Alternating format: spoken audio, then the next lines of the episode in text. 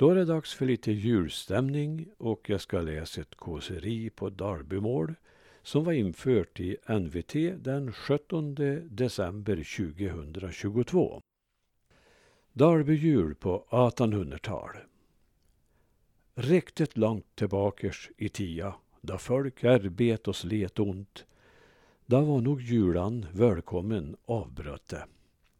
Då hade de ledigt när dagar och på andan började julkalasa.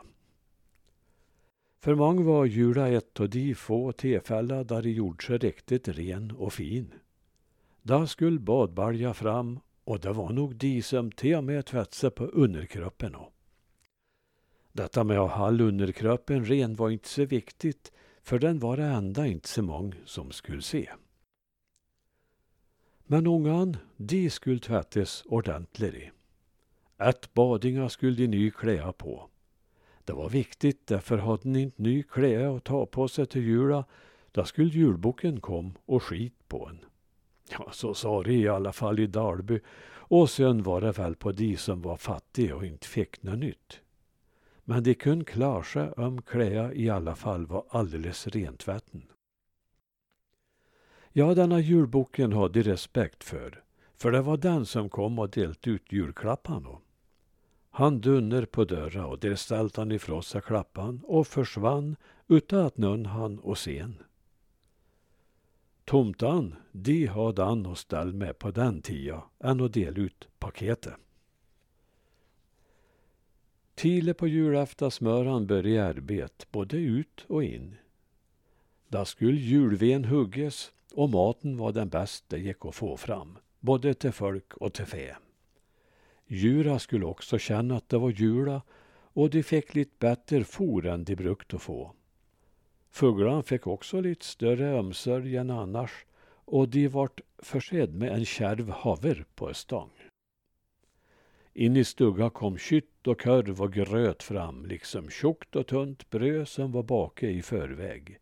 Och mitt på bord la de brödkak som de kallade julbon och som inte fick ätas förrän jula var över. Men det var ohal som en orsasten. Lite mat hände att de smussade undan på en då. För på julnatta kom de dö tillbakers. Och det var ju skamligt om de inte skulle få något att äta, de och. Ingen skulle gå svulten på jula. Inte ens om de var döda. Muren var vitlimmen i förväg och golvet var skuren och sängkläderna ombytt. Hacke enris skulle vara på golv till jula så det skulle luft gött. Innan det vart vanligt med julgran i stugan runt 1900 så hände att de hade granar ståendes utav väggarna. Och på dynghögen ställde jag upp kall julrön. Ja, det var ju också ett ställ. Detta var ingen rektorön utan en prydnad utav trä som var klädd med remsa och tufsa i grann färge. Det hörde också till att det skulle läses sig julbön och påminnelse om hur man firar jul. Själv orsaken till julfiringa var ännu på den tiden viktig att påminna om. När julboken hade gjort sitt la man sig tidigt på kvällen för tidigt på morgonen skulle en upp och res till julotta. Till julotta skulle all, om de så skulle knall och gå. Annars var det vanligast att de kappåkt med häst och slä, de som hade. Vägen var full med hästar och bjällerklang och sömmer åkt slä på isen på Storölva.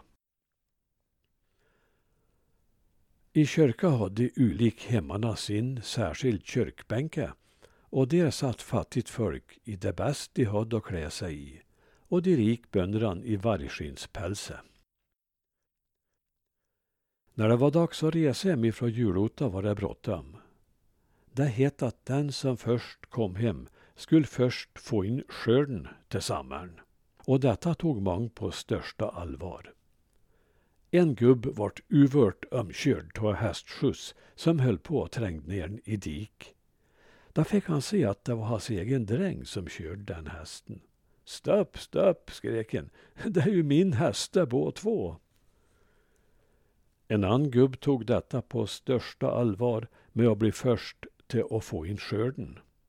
Han hade sig brått så han tapp kärringa när han fick sladd på slän på vägen hem.